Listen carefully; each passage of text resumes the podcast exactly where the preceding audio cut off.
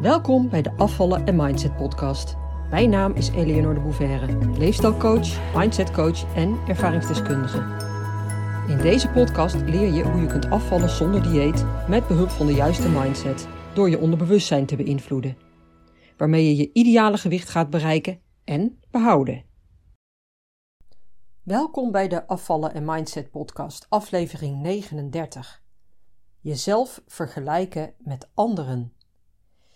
Ja, en welkom. Het is nu op het moment dat ik deze podcast inspreek, eind januari.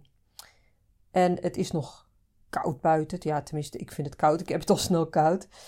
Maar gelukkig gaan we richting de lente. En een paar dagen geleden was ik met mijn oudste dochter in Maastricht. En mijn oudste dochter die woont sinds een maand op kamers, eindelijk. En het was dus echt een super gezellig uh, moeder-dochter dagje.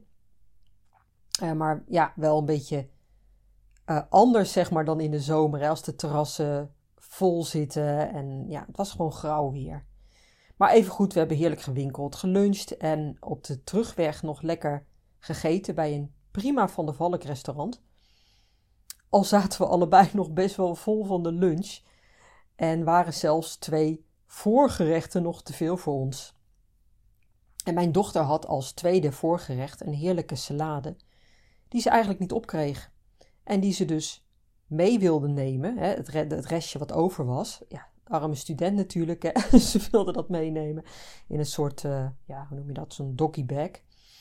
En het grappige was, het frappante was, dat dat ging niet zomaar, want wij moesten een formulier invullen om het mee te mogen nemen. En we vroegen van, goh, hoe kan dat nou? Hoe zit dat dan? Uh, ja, ik had dat nog nooit meegemaakt, maar dat is in verband met claims. Hè, kennelijk is dat wel eens aan de orde geweest, dat als er iets niet goed aan is en mensen daar ziek van worden, dat zij daar niet verantwoordelijk voor zijn. Nou, terecht en begrijpelijk natuurlijk, maar wij, ja, wij stonden er wel even van te kijken.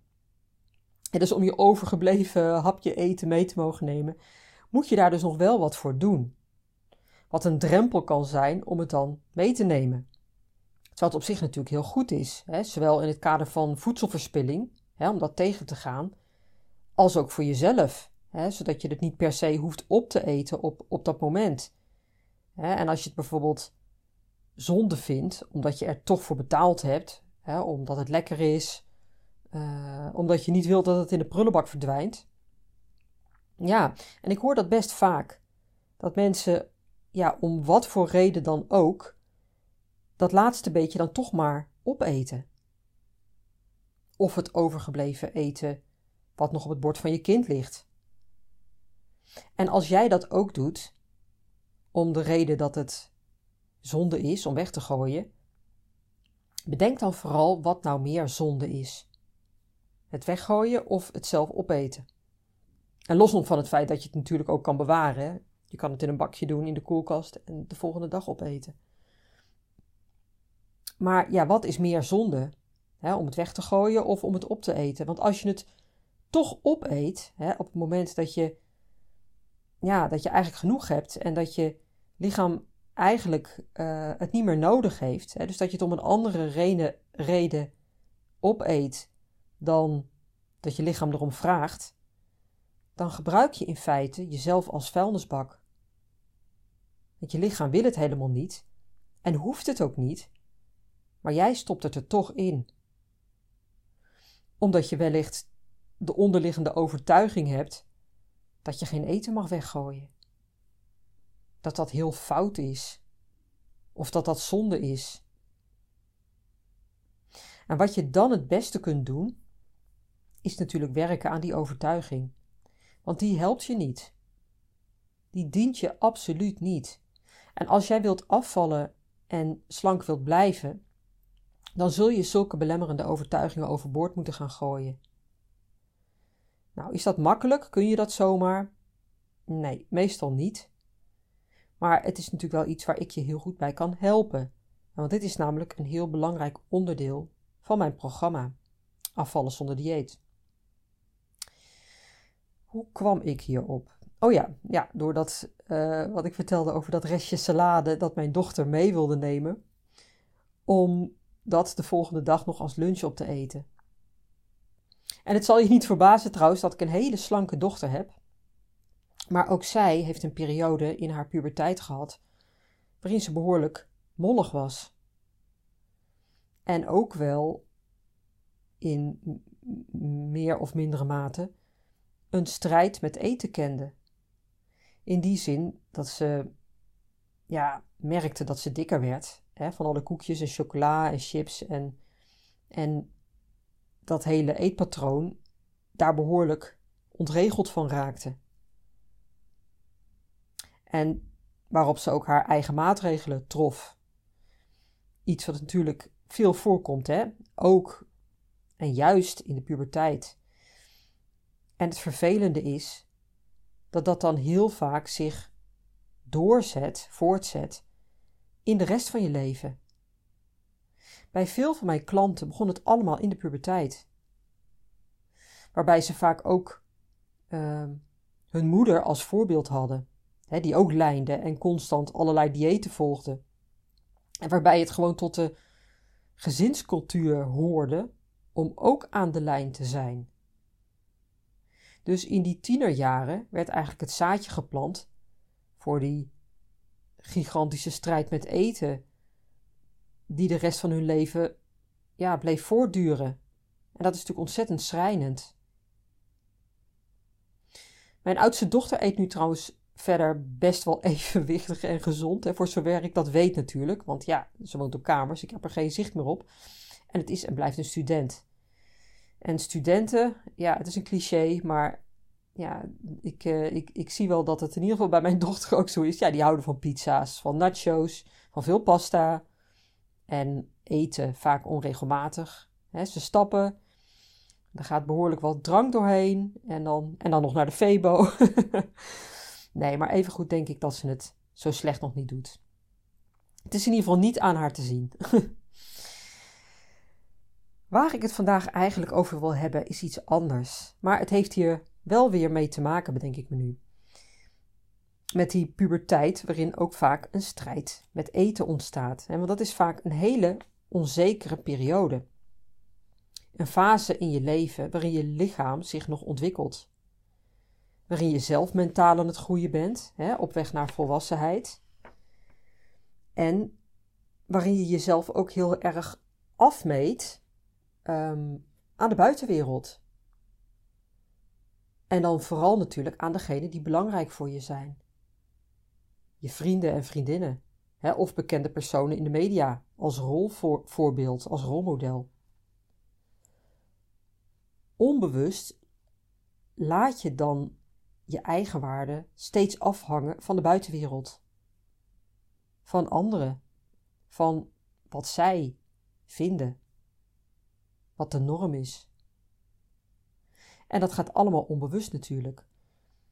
Maar daardoor drijf je steeds verder af van jezelf, van wie jij werkelijk bent, van wat voor jou belangrijk is, van jouw eigen wensen en verlangens. En vaak weet je dat ook niet eens. Wie ben ik nou eigenlijk? Wat wil ik eigenlijk? Wat is mijn doel? Wat is mijn verlangen? En als dat nou bij die tienerjaren zou blijven, of bij de puberteit, maar dat is meestal niet het geval. Want dan wordt er als het ware een soort basis gelegd, waar je op voortborduurt. Dus ook in de jaren daarna, in je vroege volwassenheid.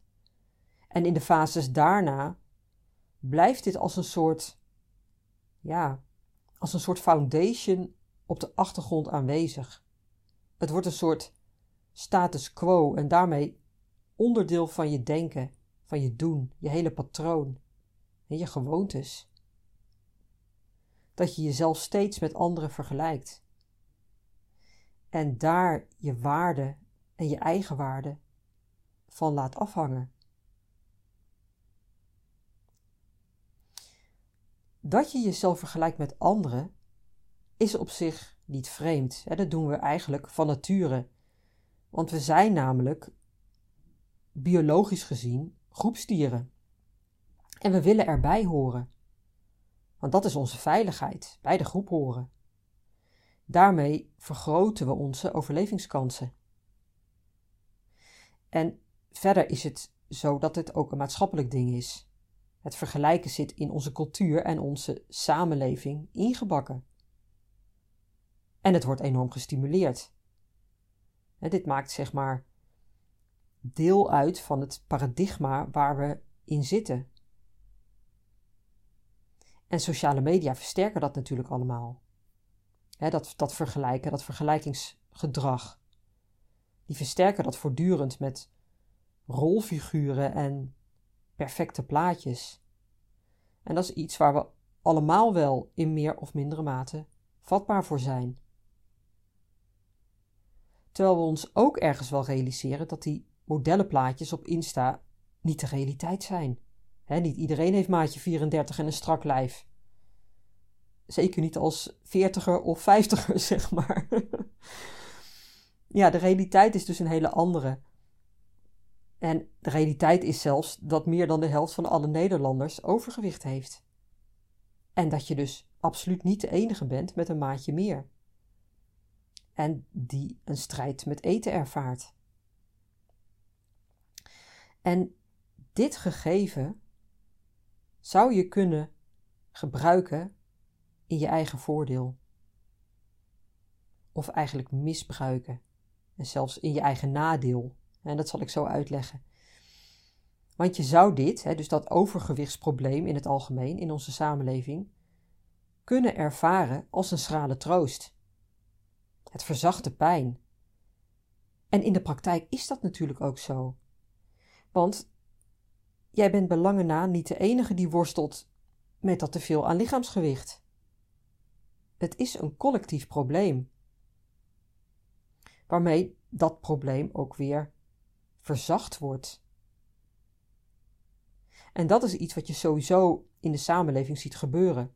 Als veel mensen iets hebben, wat dan ook, of ergens aan lijden of een bepaald probleem hebben, dan kan dat, dat probleem gevoelsmatig enorm verzachten. dan is het minder erg. Want ja, zoveel mensen hebben het. En gedeelde smart is halve smart. En we kunnen het er met z'n allen over hebben. Er lekker over klagen, er lekker zielig over doen. Of er niks aan doen, want ach ja, zo erg is het nou toch ook weer niet, hè, want heel veel mensen hebben dit. Er zijn zoveel mensen met een te hoog BMI. Dus ja, wat is er dan nog erg aan? En dan nog even los van hoe jij er persoonlijk in staat, hè. Want het hoeft niet zo te zijn dat jij er dus geen last van hebt, hè. Dat is niet wat ik bedoel. Want dat heb je wel degelijk. Je baalt van je lijf en van dat eeuwige shittige gedoe met eten. Dat gejojo. Maar toch heeft dit overkoepelende perspectief, hè, zoals ik het maar even zal noemen, mogelijk wel invloed op hoe je ermee omgaat, hoe je erin staat en ook hoe je er voor jezelf mee dealt. Want dit is het ding. Je kunt het ook als excuus gebruiken. Om niet te hoeven doen wat je eigenlijk moet doen. Of wat je eigenlijk zelfs wilt doen. Dus je gebruikt het als excuus om jezelf niet aan te hoeven kijken. Waarmee je jezelf gigantisch saboteert natuurlijk. je blijft daardoor in dat spreekwoordelijke hamsterwiel rondrennen. En wat ook nog is, doordat je jezelf met anderen in je omgeving vergelijkt en ook ehm, ja, bewust of onbewust meebeweegt met de massa, pas je je ook vaak qua gedrag aan. Wat anderen doen, daar ben je vatbaar voor. En wat anderen zeggen ook. En omdat dit een collectief probleem is, een collectieve struggle, schept dat een zekere band. Verzacht dat je persoonlijke pijn. En kun je de neiging hebben om die verzachting dus te gebruiken, als het ware, als rechtvaardiging. Waarom het allemaal maar niet lukt, bijvoorbeeld. En dat het ook allemaal niet te doen is. dat het nou eenmaal lastig is. En anderen zullen jou daar ook alleen maar in bevestigen, want die ervaren hetzelfde. Die zitten in diezelfde bubbel. En dit is op zich ook weer een heel gevaarlijk fenomeen. Want wij hebben als mens de neiging om ons te vergelijken met anderen en ons gedrag af te stemmen op anderen. Maar ook om gelijk te krijgen voor ons eigen gedrag. Rechtvaardiging. Erkenning. Want daarmee zijn we als het ware ook weer veilig. Daarmee houden we onszelf veilig en behouden we of, of vergroten we onze kans op overleving. Erkenning en bevestiging van anderen om ons heen is daarin heel belangrijk.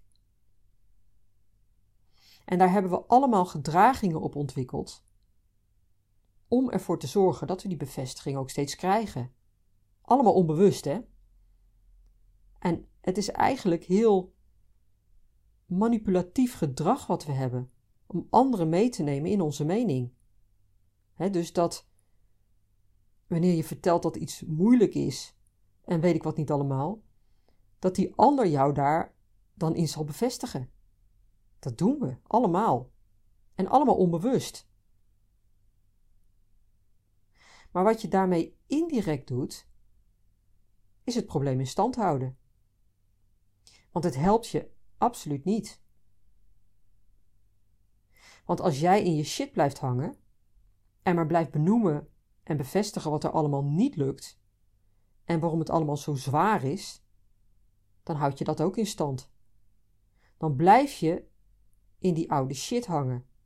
He, zoals ik het altijd noem, dan blijf je in die oude soep roeren. En je denkt misschien van niet, omdat je denkt dat je eraan werkt en het probleem aan het oplossen bent. Maar dat is schijn, want wat je doet, is focussen op het probleem, op wat er niet goed gaat. En anderen bevestigen je daar ook nog eens in. Dus maak je het alleen maar groter. In plaats van dat je dan um, toebeweegt, dat je gaat bewegen naar wat je wel wilt, naar je verlangen en naar wat jou wel zou kunnen helpen, blijf je dus met één been in dat verleden staan, in die onwenselijke situatie, zonder dat je er erg in hebt. En je gebruikt het dus als excuus om maar niet echt te hoeven veranderen. Je rent in dat hamsterwieletje en je denkt dat je goed bezig bent, omdat je aan je probleem werkt. Maar in werkelijkheid houd je jezelf alleen maar zoet en pak je het niet echt aan. Oeh. Dan nog iets over het vergelijken met anderen.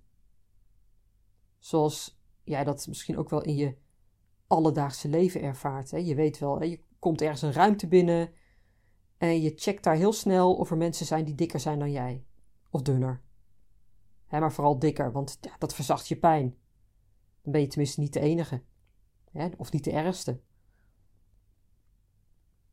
Realiseer je dat je sowieso niet objectief kunt kijken. Niet naar jezelf en daarmee ook niet naar anderen. Je meet anderen af aan jezelf. Of andersom, je meet jezelf af aan anderen. En dat doe je vanuit jouw blik, vanuit jouw perspectief. En dat is per definitie gekleurd. Want jij ziet jezelf al per definitie als te dik of onaantrekkelijk of ja, whatever. En dit, dus dit is iets waar je uit mag stappen. Wat je mag leren om los te laten. Sowieso is jezelf vergelijken met anderen zinloos. Ook al heeft het dus wel een evolutionaire oorsprong en reden, hè, zoals ik net heb uitgelegd. Maar als je leert om objectief naar jezelf te kijken, los van de context en los van wat anderen van je denken of over jou zouden kunnen denken, en dat laatste is meestal het geval, hè, realiseer je dan dat het vooral jouw eigen oordeel is. over jezelf. Zeker dat geanticipeerde oordeel, dus jouw idee van wat anderen van jou vinden, dat is in feite je eigen oordeel. En niet die van een ander. Als je dat realiseert, echt realiseert, kan dat je al enorm helpen. Want bewustzijn is de eerste stap naar verandering. Worden wie je werkelijk bent en echt stevig gaan staan, zodat je loskomt van wat als wenselijk of normaal wordt beschouwd hè, door je omgeving of in de maatschappij in het algemeen. Dat is zo belangrijk om ook echt trouw te worden aan jezelf en zelf aan het stuur van je eigen leven te gaan staan. Ook met eten. Want als je trouw bent aan wie jij bent en gaat luisteren naar wat jouw lichaam je te vertellen heeft, wat het wel en niet nodig heeft, dan wordt het een totaal ander verhaal. Dan ben je niet meer afhankelijk van wat anderen vinden of willen of zeggen, maar dan ben jij degene die de baas is over haar eigen lichaam en over haar eigen eetpatroon, over de keuzes die ze maakt. Hoe anderen het doen is eigenlijk helemaal niet belangrijk. En meestal helpt het je dus ook totaal niet wanneer jij naar anderen kijkt. Want ja, zij zijn anders dan jij. En hun manier hoeft niet de jouwe te zijn. En dan nog los van het feit dat de meeste mensen hun gewichtsprobleem totaal verkeerd aanpakken. Waardoor ze hun hele leven vaak in die dieetcyclus, hè, die dieetmentaliteit blijven hangen. En daar wil jij niet op meeliften. Wees je hiervan bewust. Dus van dat gevaar dat je hierin onbewust meegetrokken wordt. Wanneer je je met zulke mensen vergelijkt en daarmee gaat sparren, is de kans groot dat jij hetzelfde gaat doen. Ook omdat dit de geëikte, algemeen geaccepteerde manier is. En vanuit je onzekerheid ben je daar vatbaar voor. Oké, nou, wees je hier dus van bewust.